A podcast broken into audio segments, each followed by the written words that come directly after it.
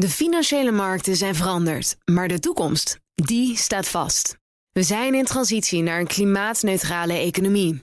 Dit biedt een van de grootste investeringskansen van onze generatie. Een kans voor u om mee te groeien met de klimaatoplossingen van morgen. Meer weten? Ga naar carbonequity.com. Carbon Equity. Do good by investing better. Wereldwijd kleuren de borden op de beurs donkerrood. Dat en meer bespreek ik met het beleggerspanel. Vandaag bestaande uit Roel Gooskes, onafhankelijk analist. Thijs Knaap, senior stratege bij APG. En Karel Merks, beleggingsspecialist bij Beleggersbelangen. Mijn zakenpartner is Janneke Niese, tech-ondernemer en investeerder. Ben jij een belegger? Ja, ik laat het alleen doen. En dus hoe ik betrokken beleg ben je wel. dan? Nou, helemaal niet. Eh, en dat was ook mijn boodschap. Eh, ik wil daar vooral niet eh, iedere dag mee bezig hoeven zijn. Ik ben druk met andere dingen. En als je nu hoort, je hoort het van Jan Ad, ik zeg het net in de introductie, het gaat slecht op de beurs. Doet dat dan nog iets met jou of zij er zo Nee. ver vanaf dat je Nee. denkt, nou, het zal ik, wel ik mijn ook, tijd duren? Ik kijk ook niet, omdat ik echt voor de lange termijn investeer en beleg. En ja, dan word je alleen maar zenuwachtig. Goed. Ik vraag me af of de mensen hier al eh, zenuwachtig zijn. Maar eerst de vraag waar we dit panel traditioneel mee beginnen. Namelijk, wat is jullie laatste transactie geweest en waarom? Mag ik het aan jou vragen? Ik begin gewoon bij jou, Roel. Ja, nou Debutant in het panel. Ja, eh, welkom. Eh, bedankt dat ik hier mocht zijn. Ehm, ja, nou is de vraag of ik dat wel moet doen natuurlijk. Want ik, eh, eigenlijk is de, ik heb een aan- aankoop gedaan weer twee weken geleden van een nieuw bedrijf wat ik geanalyseerd had. De grote vraag is natuurlijk: gaan de, de luisteraars mij dan volgen als ik het gekocht heb? En is dat dan goed of slecht? Dat is de vraag natuurlijk. Ja, ik heb tot nu toe nog geen antwoord gehoord. Oké, ik heb een, een, een nieuwe aankoop gedaan in, in België. En dat heeft, eh, kunnen zeggen, in de duurzame sector. Eh, dat is een bedrijf dat heet eh, Campin. En Je gaat het toch zeggen, heel mooi. Campin is een eh, bedrijf dat zich bezighoudt eh, met het recyclen van auto-accu's, onder andere. In een auto-accu zit lood en daar zitten allerlei andere eh, zware metalen en gevaarlijke stoffen. Die worden door dit bedrijf recycled. En het bedrijf maakt ook nog daarnaast nog een plastic toevoegingsmiddelen die ervoor dat plastic minder snel brandt. Zoals bijvoorbeeld hebben gezien in Engeland, als het te snel gaat branden, dan brandt zo'n hele toren af. En waarom dacht je, hier stap ik in? Ik denk altijd, als je in dit soort bedrijven stapt... Op dit moment is het eigenlijk gewoon een sloopbedrijf, noem ik het maar even. Zo wordt het ook gewaardeerd door de beurs op vijf keer de winst. En ik ga ervan uit dat mijn eh, buurman aan de overkant... die bij het APG werkt, dit- bedrijf over een jaar of tien ontdekt... en het dan in de groene portefeuille opneemt... op een prijs die ongeveer tien keer zo hoog is als de huidige prijs. Nou, je hebt nu een enorme voorsprong kunnen opbouwen door naar even, Roel te luisteren. mee. Ja, dat is tien heel jaar, goed. hè? Ja. Goed. En wat heb je recenter gedaan? Eh, nou, een van de dingen die wij recent gedaan hebben is voor 110 miljoen eh, euro inleggen op eh, de eerste groene staatsobligatie van Ierland. Dus eh, we, we kopen wel vaker staatsobligaties, maar eh, tegenwoordig zie je dat steeds meer landen, Ierland is de vierde, uitkomen met groene eh, obligaties. Waarbij ze niet alleen zeggen van bedankt voor het geld, maar dat ze ook zich eh, committeren aan het beleggen van het geld in groene projecten. Ierland gaat hernieuwbare energie financieren, eh, afvalwaterbeheer, schoon transport. En ja, dat past heel goed bij het, bij het duurzame profiel. Het werd net ook al even genoemd. hè, Beleggers willen graag duurzaam zijn. Wij zijn geen uitzondering. Checken Eh, jullie dat dan ook? Want er worden natuurlijk beloftes gedaan over wat er dan met dat geld gebeurt. Het moet allemaal groen. We komen zo meteen Ja. nog te spreken over palmolie, waar Ja. toch weer het een en ander mee aan de hand is. Maar jullie gaan er dus vanuit. Ja. Ierland, groene obligaties. Ja, dus er is, het, het is natuurlijk iets meer dan dat het alleen een groen papiertje is. Er wordt eh, ook afgesproken om eh, transparant te zijn in het naleven van de, de regels die ervoor zijn. Dus eh, de Ierland moet laten zien eh, wat ze met het geld gedaan hebben, hoe het, eh, hoe het belegd wordt. En, en we gaan er niet zelf naartoe om het, om het afvalwater te bekijken, maar wel eh, die regels worden wel, eh, als het goed is, nageleefd. Persoonlijk beleg ik om geld te verdienen. Welk rendement geeft de Ierse overheid op deze obligatie? Ja, dat is niet heel anders dan eh, de gewone staatsobligaties. En, dat, dat, dus ik kan het niet uit mijn hoofd vertellen, maar dat zal in, in, in de, de regio van normale Ierse staatsobligaties zijn. Eh, dus het is niet minder. Nee, maar overal in Europa noteert de tienjaarsrente onder de inflatie. Mhm. Dus het kost geld om dit soort obligaties te kopen. Ehm, is het pensioen niet belangrijker dan verlies leiden op eh, Europese staatsobligaties? Ja, pensioen is wel belangrijk. En dat, eh, maar be- beleggen voor pensioen is ook een, is ook een kunst. Het is beleggen in heel veel dingen. Daar komen we straks ook nog wel over te spreken. Waarbij het eh, verwachte rendement heel hoog is. Maar we moeten ook zorgen dat we eh, de, genoeg geld hebben om de verplichtingen die van dag op dag met de rente bewegen. eh, te kunnen eh, eh, matchen, om een Engels woord eh, te gebruiken. En die staatsobligaties helpen daar heel goed bij. Eh, en op het moment dat dus heel slecht gaat met de economie en de risicovolle investeringen het niet zo goed doen, dan helpen de staatsobligaties ons de winter door. Dat is zeg maar de strategie die erachter nou, zit. Die komt er weer aan.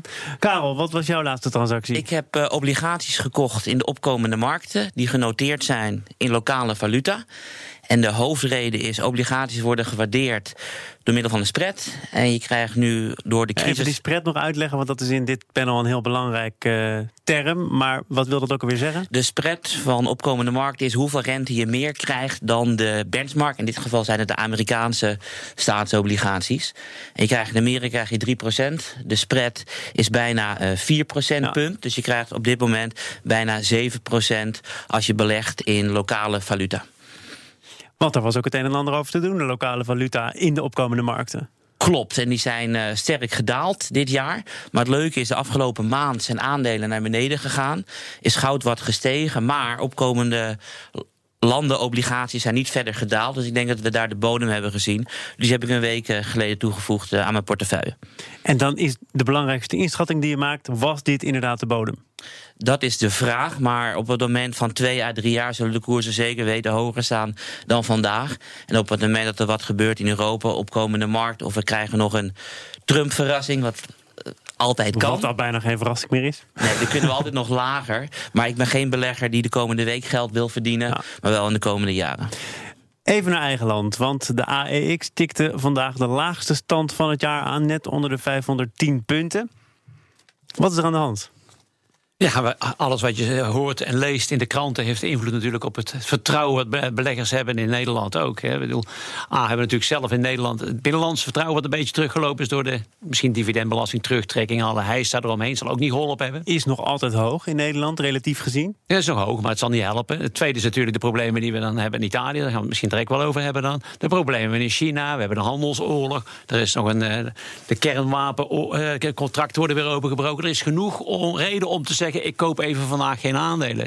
Maar zie je dat, zie dat echt zo meteen terug, Thijs? Nou, ik, ik denk, hè, er is een hoop, er is altijd een hoop nieuws en er is nu al heel veel slecht nieuws. Ik denk ook dat het een beetje te maken heeft met uh, toch langzaam zeker een normaliserende omgeving. Waarbij normaal is, een omgeving waarbij de centrale bank niet uh, een heleboel uh, stukken opkoopt. Waarbij de rente niet nul is. Nou, je ziet nu in Amerika, het werd net al even gememoreerd, die rente weer normale waardes bereiken.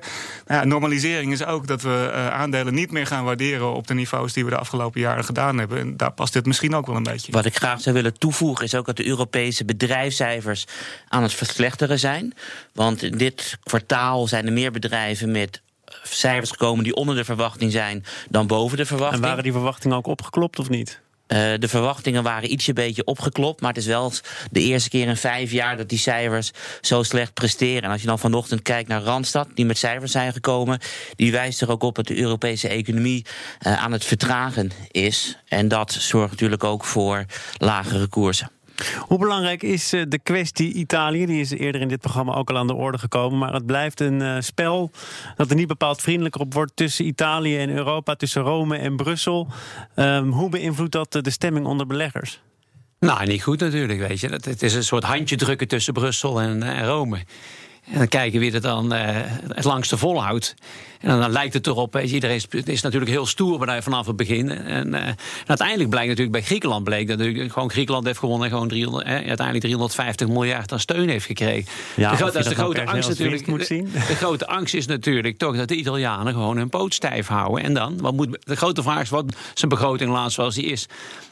Volgens mij hebben ze niet veel meer andere wapenen dan maar gewoon toe te laten. Nou, maar het enige wapen wat ze hebben en waar ze ook mee dreigen zijn boetes. Maar ja, op het moment dat je financiële boetes geeft, gaat de begroting nog veel meer ja. onderuit dus in dus Italië. Wapen. Dus het is wachten totdat de situatie verder escaleert. En dan zal het ESM, het um, Europese stabiliteitsmechanisme en de ECB ingrijpen. Alleen er is het nu nog, naar mijn mening, te vroeg voor. We zijn nog te ver af van de klif. Maar nog afgezien van die boete zijn er ook mensen die zeggen... Italië wordt al gestraft in de zin dat er onrust is op de financiële markten... de rente omhoog gaat. Ja. ja, als je kijkt wat dat, uh, dat is inderdaad het grote verhaal van de afgelopen weken. Dat die spread opgelopen is, uh, inmiddels zo uh, 300. Hè, bijna in de buurt van de emerging markets, memoreer ik hier even. En, en dat is zeg maar de, de, de straf. Dus ik zat zelf ook te denken van wat is nou, hè, wat is nou het ergste? Nou, er is een soort briefwisseling tussen de Europese Unie en Italië. Dat duurt nog wel even voordat daar wat gebeurt. Dat ben ik wel met je eens. Dan is er de, de kosten om te lenen gaan omhoog in Italië. Dat is lastig, maar de Italianen hoeven niet zoveel te lenen. Die hebben heel slim gefinancierd afgelopen jaren.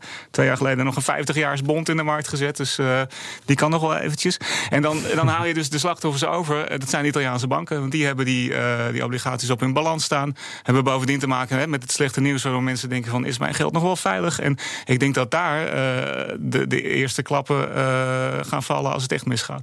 Maar dit zijn toch eigenlijk een beetje bezwerende woorden. Hè? Ik bedoel, je, je houdt slachtoffers over, maar sommige zaken zijn ook relatief goed geregeld. Ondertussen heeft Moody's, de kredietbeoordeler, ook zijn oordeel mogen vellen over de kredietwaardigheid van Italië. Is iets verlaagd, maar net weer boven het uh, punt van de rommelstatus. Ja. Dus werd die verlaging ook weer opgevat als iets positiefs. Een voorzichtige meevaller zelf. Ja, dus technisch gesproken, het probleem is als je hebt investment grade en een rommelstatus, zoals je het nu aannoemt. En voor veel beleggers geldt dat als een, een, een land eenmaal in de rommelstatus heeft, dat ze er niet meer in mogen beleggen. Dat je heel veel verplichte verkopen uh, krijgt. Nou, dat lot werd ze afgelopen vrijdag bespaard. Maar deze vrijdag is het weer raak, want dan mag SP het oordeel vellen over Italië. Dus dan krijg je opnieuw uh, die, die spanning. En wellicht komt het ook wel weer goed. Uh, en hoeveel is zo'n oordeel van een kredietbeoordeler waard? Want daar is de afgelopen jaren ook na de crisis wel het een en ander over gezegd. Hoeveel waarde moet je daaraan hechten? Heel veel, want zoals mijn collega ook zegt, op het moment dat er rommelstatus is, dan mag sommige pensioenfondsen er niet meer in beleggen. Dus dan moeten pensioenfondsen verplicht gaan verkopen. En daarnaast is het een kwestie van tijd voordat Italië die rommelstatus bereikt. Want of ze nou anderhalf, twee of 2,5 procent begrotingstekort hebben, is nog altijd meer dan de economische groei die tot stilstand is gekomen. Dus nou, zeggen de Italianen, heb ik ook al eerder voorgelegd aan Kees de Kort, we hebben dat begrotingstekort nodig om economisch te kunnen groeien. Ja, kijk, het probleem is, ze gaan ook de pensioenleeftijd verlagen naar 1,62 jaar. En we worden in Europa steeds ouder. En we zijn ook steeds minder jongeren aanwezig. Dus die pensioenleeftijd moet juist omhoog. Ja, ik hoorde dat gisteren bij de economen ook al het punt. Hè, uh, dat uh, Italië heeft groei nodig. Nou, Bedankt, het, het werkt niet heel erg goed, uh, het beleid zoals dat nu gevoerd wordt. Hè. We zitten nu op het BBP van 2004 weer in Italië. Dus daar wordt eigenlijk niet gegroeid. Dus macro-economisch is het helemaal niet zo'n gek verhaal... Dat ze, dat ze iets aan stimulatie doen. Maar ik ben het met je eens.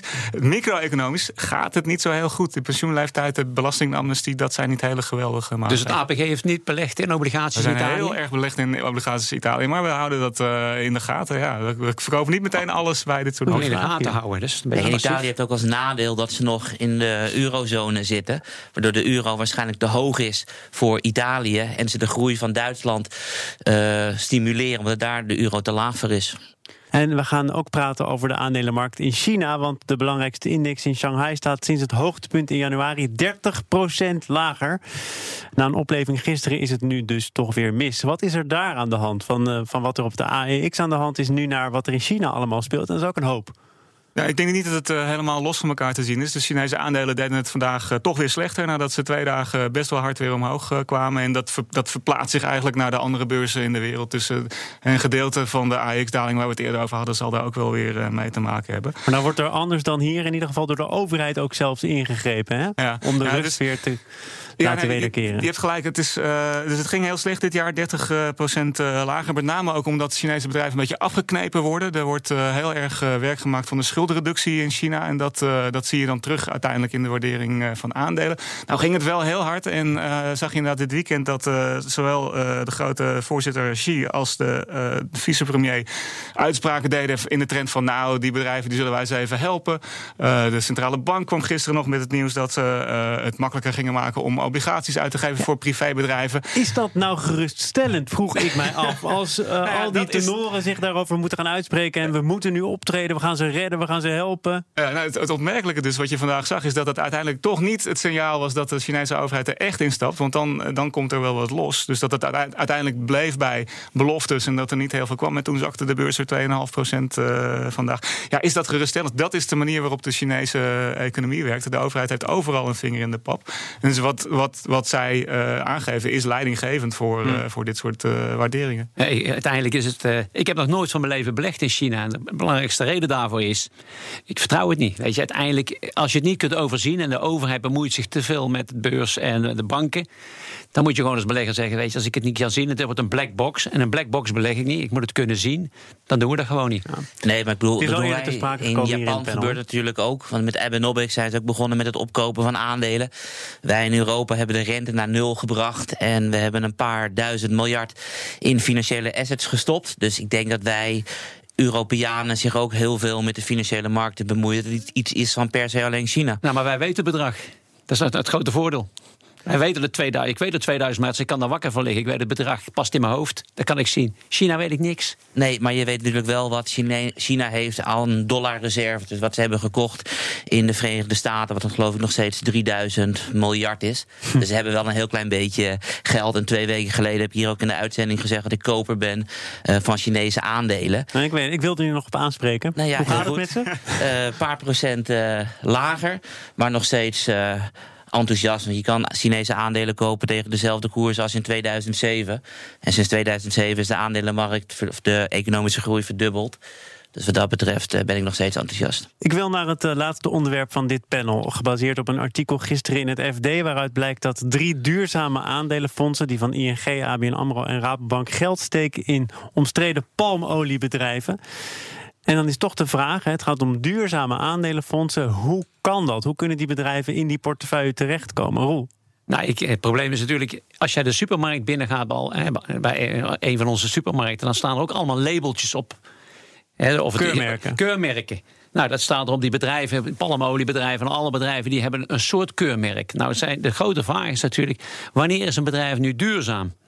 Nou, dan heb je dus, daar heb je hoogstwaarschijnlijk wel wereldwijd adviseurs voor die jou, voor jou zullen selecteren welke bedrijven duurzaam zijn.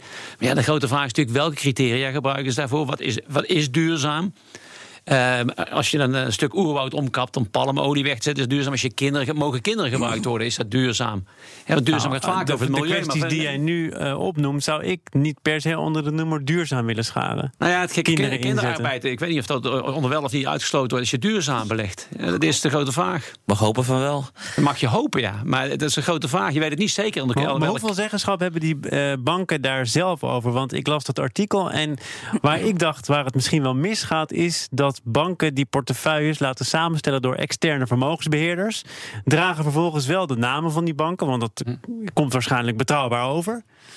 Maar als ik het zo een beetje beschouw, denk ik, ja, die banken hebben zelf ook niet per se een goed inzicht in hun portefeuille of wat er onder hun nee, naam op de markt wordt gebracht. Ik denk niet dat er bij de ABN AMRO of bij welke bank dan ook een heel team zit die precies de palmoliemarkt in kaart brengt. Die hebben een consultant die dat voor ze doet. En dan op basis van die consultancyadviezen worden die portefeuilles samengesteld. En dan leunen ze dus, ze zijn verantwoordelijk, maar ze leunen op het advies van een derde. En dan moet je maar hopen dat die betrouwen. Het is een soort accountsorganisatie voor duurzaam. Nou ja, alle accounts vertrouwen ook niet. En dat geldt natuurlijk voor de, de duurzaam labels zullen ook wel eens een keer fout lopen. Ja, dat kan gebeuren. Weet je. Ja, je, schetst precies wel de, de, de afruil die er bestaat. Aan de ene kant, als je wilt beleggen, wil je diversificeren. Je wilt je risico spreiden over zoveel mogelijk bedrijven. Tegelijkertijd, als je wilt beleggen en je wilt het zorgvuldig doen, ja, dan wil je het liefst zo min mogelijk bedrijven. Want je kan ze niet allemaal even goed bijhouden als je dat uh, uh, voor een hele grote groep moet doen. Nee, het ABP, waar jullie dus voor beleggen, is overigens wel uit een palmoliebedrijf uh, gestapt. Hè? Nog niet zo lang geleden. Ja. kwam ook naar voren in dat artikel. Ja, Dan hebben jullie dus kennelijk ook wel inzichten die tot die stap leiden. Ja, dus het, het probleem is altijd, eh, wil je er überhaupt in zitten? En wij denken dat bij palmolie dat dat, wat je al zegt, dat zit overal in. Het is een heel, uh, het is een heel belangrijk en veel gevraagd product. Dus uh, en dan kan je zeggen, nou, we, we beleggen er überhaupt niet in, want, uh, want we, we zien het niet zitten. Of je kan zeggen, nou, we proberen te beleggen in de beste bedrijven. En die proberen we ook te motiveren om het nog beter te doen. Dus om geen kinderen in te zetten en geen ontbossing te plegen. Nou, soms lukt dat en soms lukt het niet. En dan, en dan moet je verkopen. Dus dat is het begin dit jaar gebeurd, dat we ja, niet verder kwamen met een Zuid-Koreaans bedrijf. En dan is het, uh, dan is het wel einde verhaal. Uh, wat uh, de, de afgelopen week ook een flinke discussie is geweest na de moord op die journalist uh, die, uit Saudi-Arabië. Ja. ja. Um, is, er wordt natuurlijk heel veel geïnvesteerd door Saoedi-Arabië. En um, de vraag is: moet je dat geld nog accepteren? de vraag die werd ook gesteld: moet je het geld zelfs teruggeven? dat lijkt me heel lastig. Maar hoe kijken jullie daarnaar? Ja, wij zijn natuurlijk zelf belegger, dus we, we nemen geen geld van Saudi-Arabië in ontvangst. Hè. We zitten aan de, aan de andere kant. Maar het is ja, het is best lastig uh, om, uh, om over een land een oordeel te vellen wat dat betreft. Hè. De, de, de, de spaarders van Saudi-Arabië hebben die ook iets gedaan met. met moet je die ook straffen voor wat, wat het bewind gedaan heeft of niet? Dus in principe zijn we. Ja, Als je de spaarders straft, dan zou dat ervoor kunnen zorgen dat het bewind onder druk komt te staan, waardoor dat bewind andere keuzes maakt. Dat wordt natuurlijk toch ook vaak gezegd. Als je wel in iets stapt, hè, dat zeggen ook pensioenfondsen onder andere, maar ook voor andere andere vermogensbeheerders. Ja, juist doordat wij toch actief blijven in een bepaalde markt, kunnen we ook iets veranderen aan die markt. Nou, dat is waar. Dat is in principe is dat het, uh, de, de, de, beste manier, zeg maar, door geëngageerd te blijven met, uh, met de partij. Nou, weet ik niet direct wat we. Of Saudi-Arabië, ja, dat is, dat is toch een, uh, een andere orde van grootte dan palmolie. Dus hoe we daar precies mee omgaan, kan ik, zo niet, kan ik zo niet vertellen. Maar dat is in principe de lijn. Kijk, in Rotterdam komen natuurlijk elke dag schepen binnen met olie uit Saudi-Arabië. Linksom of rechtsom, 10% van de wereldolieproductie komt uit Saudi-Arabië. Dus eigenlijk zou je gewoon moeten zeggen: we nemen jullie olie niet meer af. Ja, dat gebeurt niet natuurlijk. De handel is toch een ietsje belangrijker dan één journalist. Ja, maar, maar is dat zo? Mogen principes niet wat kosten? iets wel, ja, maar een probleem, dat, moet je niet aan mij vragen. Natuurlijk moet je aan politici vragen. Maar nou. uiteindelijk is zo de handel stoppen met een land als Saudi-Arabië... is blijkbaar ligt voor Nederland ook te moeilijk. Nou, laat ik het ook aan jou vragen, Karel. Jij zei hier net toen we begonnen aan dit panel over die groene obligaties... ik beleg om geld te verdienen. Klopt. Welke ethische grenzen stel jij dan?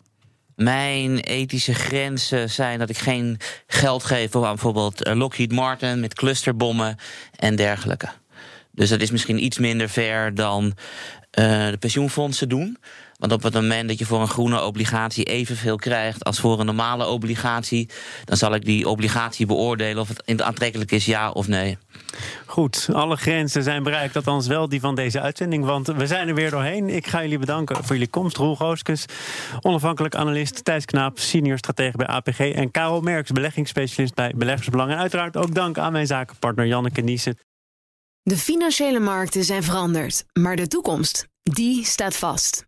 We zijn in transitie naar een klimaatneutrale economie. Dit biedt een van de grootste investeringskansen van onze generatie. Een kans voor u om mee te groeien met de klimaatoplossingen van morgen. Meer weten? Ga naar carbonequity.com. Carbon Equity. Do good by investing better.